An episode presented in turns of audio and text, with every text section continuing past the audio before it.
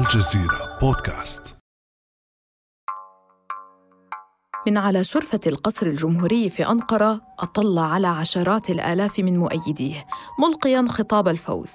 وكان أول ما قاله هو الثناء على ديمقراطية بلاده والزهو والافتخار بها.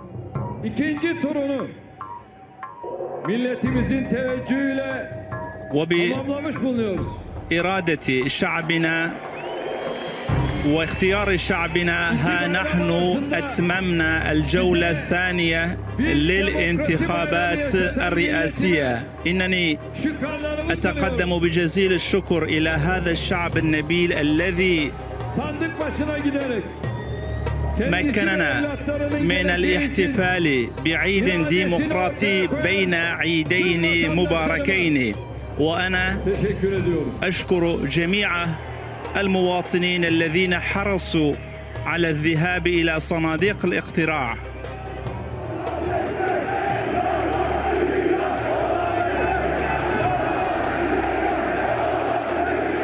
فوز أردوغان في انتخابات رئاسية لم تشبها شائبة ليس حدثا طارئا لأن تركيا تعيش تجربة ديمقراطية فريدة في المنطقة منذ خمسينيات القرن الماضي. غير أن العرب الذين يتقاسمون مع تركيا التاريخ والجغرافيا لا يقاسمونها التجربة الديمقراطية ذاتها لأن الفشل الديمقراطي هو حال معظمهم اليوم رغم المحاولات العديدة منذ القرن الماضي. فلماذا نجحت الديمقراطية في تركيا وفشلت في العديد من الدول العربية؟ وإلى متى تبقى المنطقة العربية عصية على الديمقراطية؟ وكيف يمكن للعرب الاستلهام من التجربة التركية. بعد أمس من الجزيرة بودكاست أنا روعة أوجي.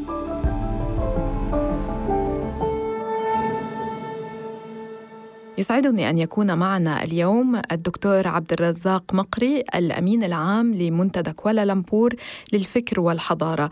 أهلا وسهلا بك دكتور مقري. أهلا وسهلا بكم. تحية طيبة لك ولكل المتابعين للبرنامج. يا أهلا. متى بدأت تركيا الحديثة أولى خطواتها الديمقراطية؟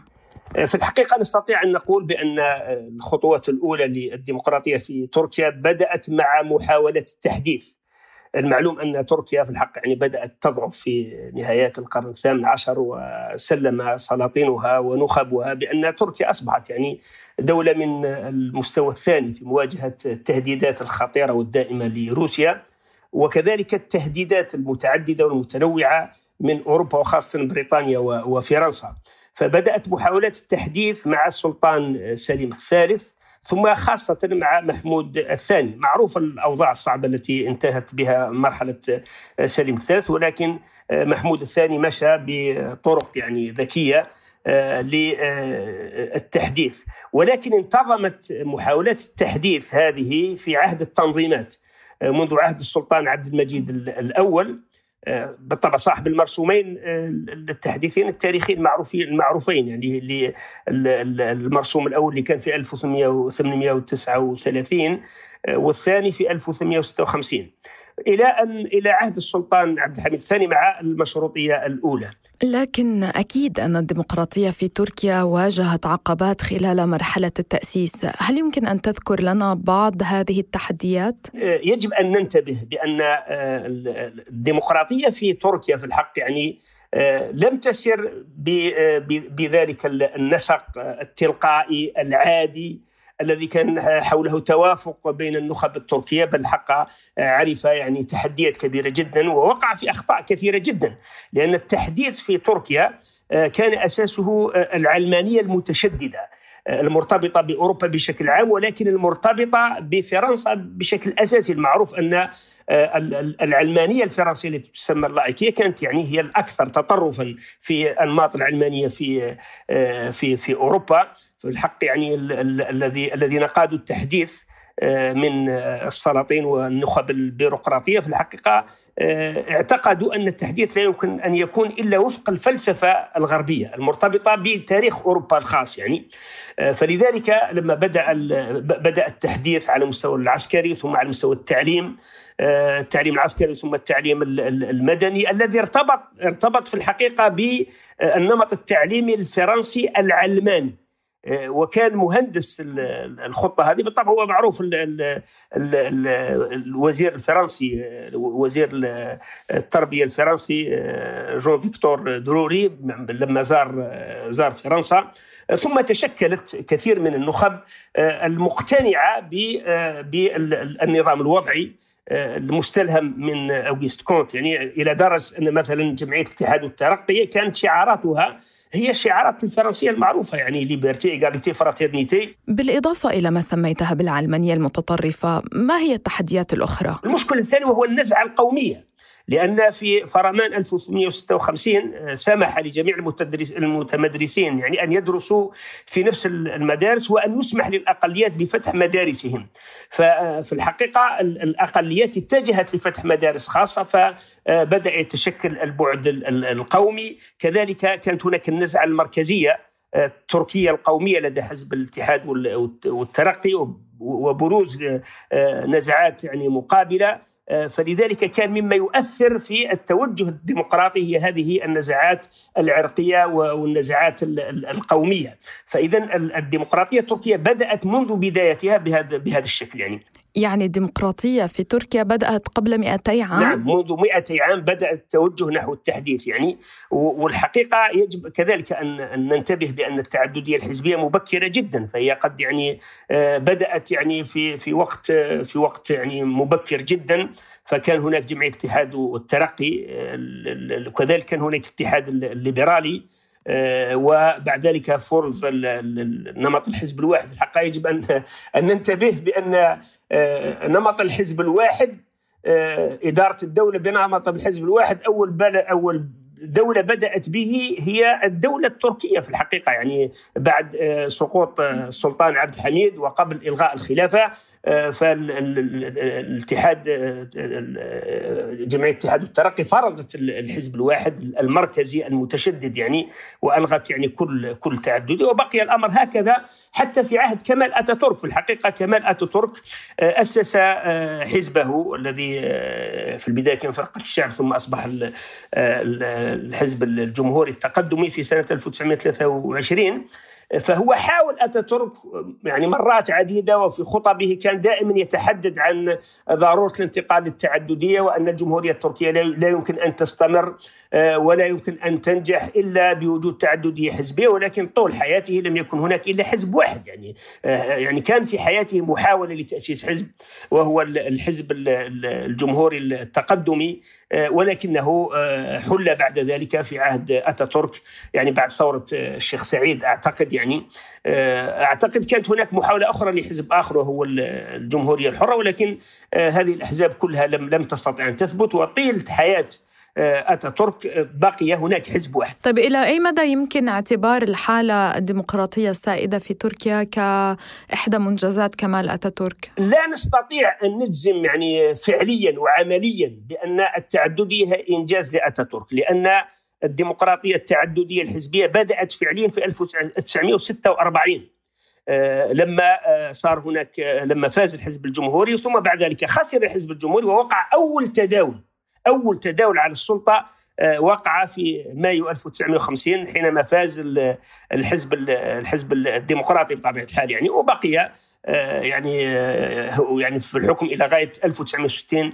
حينما وقع الانقلاب. فاذا التطور الديمقراطي التحول الديمقراطي له خصوصية في تركيا كان مشوب بالنزعة العلمانية المتشددة التي في الحقيقة كانت آه، تجاهها كثير من الاعتراضات حتى داخل حتى داخل التيارات السياسية العلمانية كان هناك تنوع كبير بين بين العلمانية المتشددة على النمط اللائكي وبين العلمانية التي تسمح بمساحات للدين وتسمح بالتمظهر الديني، كان هناك يعني نقاش كبير داخل النخب الذي لا يزال موجود إلى اليوم، يعني في الحقيقة ما نراه من من تطورات للأحزاب في الحقيقة هذه كانت كلها يعني آه، بسبب هذه الخلفية التاريخية. طيب يعني الديمقراطية التركية تحدثت عن انقلاب 1960 في البداية هناك انقلابات كل عشرة أعوام.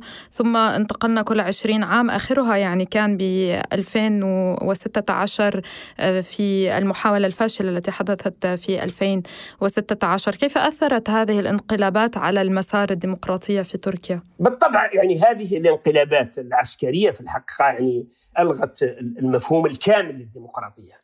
صحيح فيه يعني خلاف الدول العربية صحيح فيه أحزاب آه، تعددية خاصة منذ 1946 يقع تداول ولكن بعد التداول دائما تقع الانقلابات. يعني معروف بأن الرئيس مدريس يعني كان انقلب عليه في 1960 وبعد ذلك حكم عليه بالإعدام.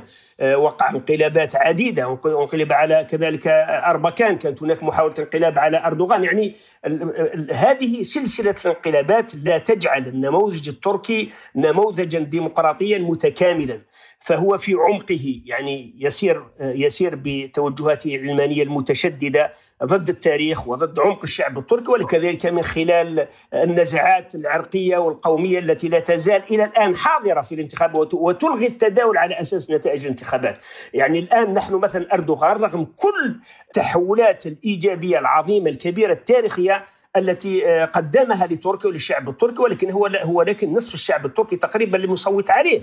آه، حينما آه، نحسب من الذي لم يصوت عليه هم التيارات الأيديولوجية المتمسكة بالعلمانية التي ترسخت عبر أكثر من قرنين من الزمن التي هي متمسكة بالايديولوجيا وليس بالنتائج السياسية أو كذلك التيارات العرقية المتمثلة في النتائج التي تقدمها التي تحصل يحصل عليها الأكراد. يعني إذا حسبنا نتيجة حزب الشعب أو تحالف الشعب والأكراد فإننا نحن في حدود 40 40% أو 45% يعني الذي الذي يدخل المنافسة هو خاسر في البداية تقريبا نصف الشعب بسبب هذا المسار التاريخي الطويل. ولكن يعني هذه النتائج ما زالت يعني تبدو أكثر ديمقراطية من النتائج في عالمنا العربي حيث نرى نسب نجاح ب 99% ويعني عندما يتواضعون ينجحون ب 80% يعني رغم انتماء تركيا والعرب إلى منظومة حضارية واحدة الواقع يضعهما على طرفي نقيض على صعيد التجربة الديمقراطية. برأيك يعني ما هي عوامل وأسباب نجاح الديمقراطية في تركيا قبل أن ننتقل لأسباب تعثرها في العالم العربي. ربما دعيني أؤكد بأن في الحقيقة نستطيع أن نقول بأن اكتمال النموذج الديمقراطي التركي ليصبح نموذج مثالي في المستوى العالمي بل أفضل من النموذج الغربي هو بعد فشل آه، الانقلاب الأخير ضد أردوغان وبعد هذه الانتخابات الأخيرة. نستطيع أن نقول بأن هذه الانتخابات الأخيرة هو دخول تركيا في الجمهورية الثانية لأن النموذج النموذج الديمقراطي اكتمل. واصبحت أصبحت الانقلابات يعني آه، صعبة أو تقريبا تكون غير ممكنة.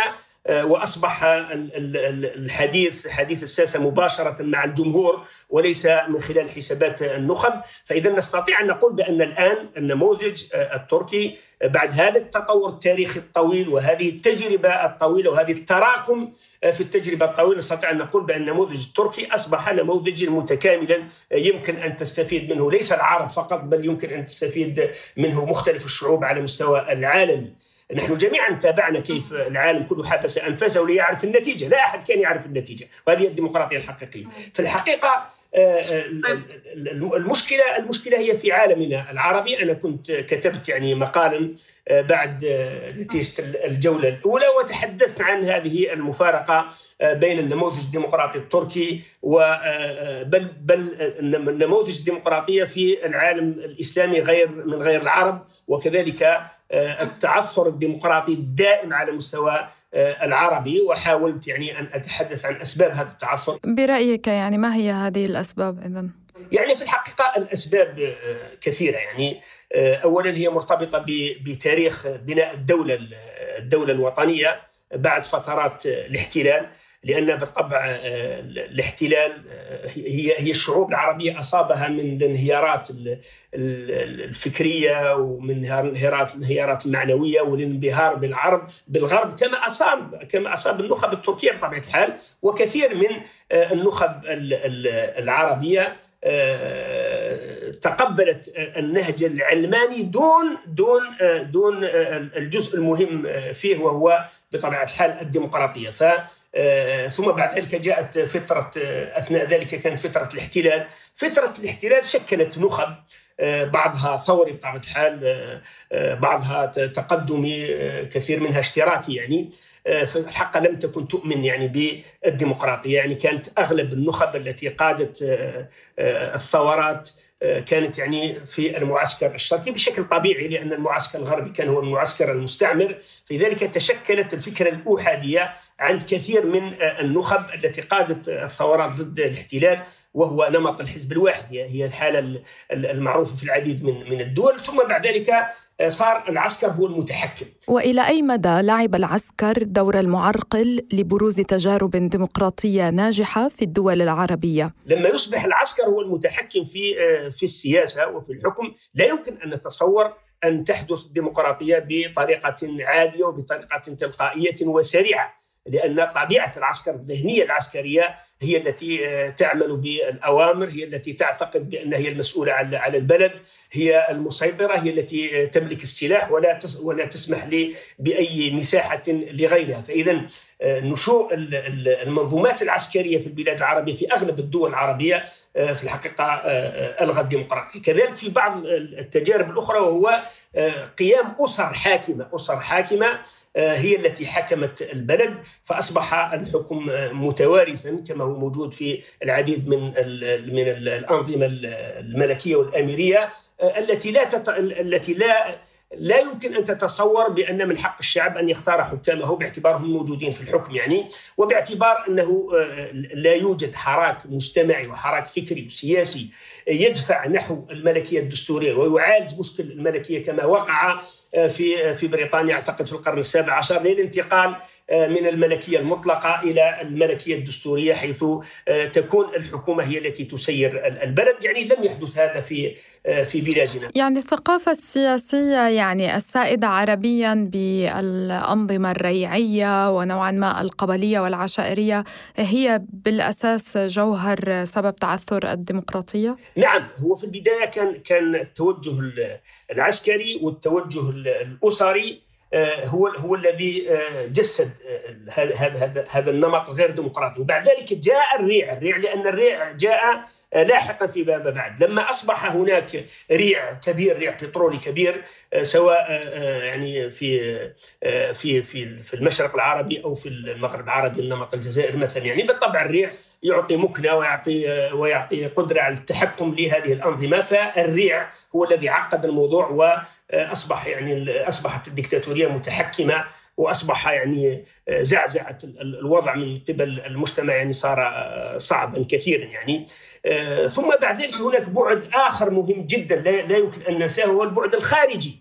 يعني هذه الأنظمة بعض الأنظمة بعد بعد بعد استقلال الدول العربية بعضها منذ نشأة الدولة كانت تحت رعاية الغرب. يعني الغرب هو الذي رعى هذه الدولة هو الذي مكن لهذه النخب وهو الذي حماها والذي حماها من أي تحول ديمقراطي.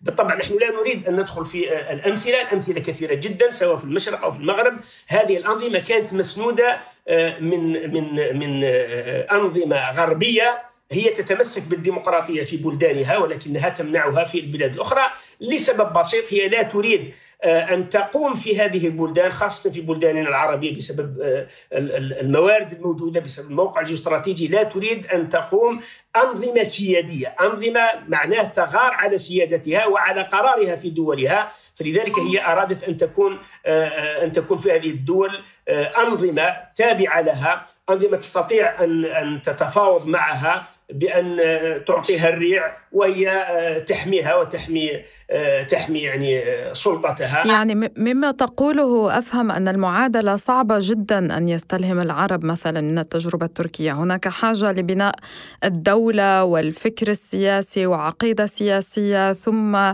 يعني تقوية الداخل للتصدي للخارج والخارج لن يسمح بتقوية الداخل، هذا ما أفهمه من كلامك. يعني المهمة صعبة ولكنها ليست مستحيلة، يعني هناك نماذج أخرى في في بلاد أخرى غير البلاد العربية التي كانت أكثر ديكتاتورية، نحن حينما نتحدث مثلا على نتحدث على على على أمريكا الجنوبية في الحقيقة كانت الديكتاتورية فيها ديكتاتورية دموية، حينما نتحدث على ديكتاتوريات كثيرة في إفريقيا كانت موجودة يعني أشد من الديكتاتوريات العربية بل هناك ديكتاتوريات حتى في الغرب. ولكن وقع انتقال ديمقراطي بأنماط مختلفة لأن في في علم الانتقال الديمقراطي هناك الانتقال من فوق هناك الانتقال من أسفل وهناك الانتقال متفوق عليه. طب من أين يجب أن يبدأ العرب تجربتهم الديمقراطية في هذه الحالة؟ أحسن نمط أحسن نمط للانتقال الديمقراطي في العالم العربي هو هو الانتقال المتوافق عليه.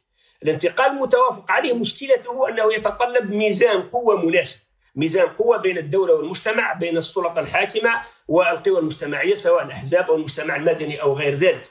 بالطبع هناك هناك ظروف أخرى هي التي تساعد على الانتقال الديمقراطي، يعني مثلا لو نتحدث مثلا على النموذج الإسباني أو النموذج البرتغالي هذا في في أوروبا بطبيعة الحال، يعني كان الانتقال من فوق لأنه وقعت في إسبانيا مثلا أزمات في عهد فرانكو أزمات اقتصادية كبيرة وصارت الدولة في في هشاشه من امرها، ففرانكو في الحقيقة هو بنفسه الذي أهدى الانتقال الديمقراطي إلى النخب المعارضة.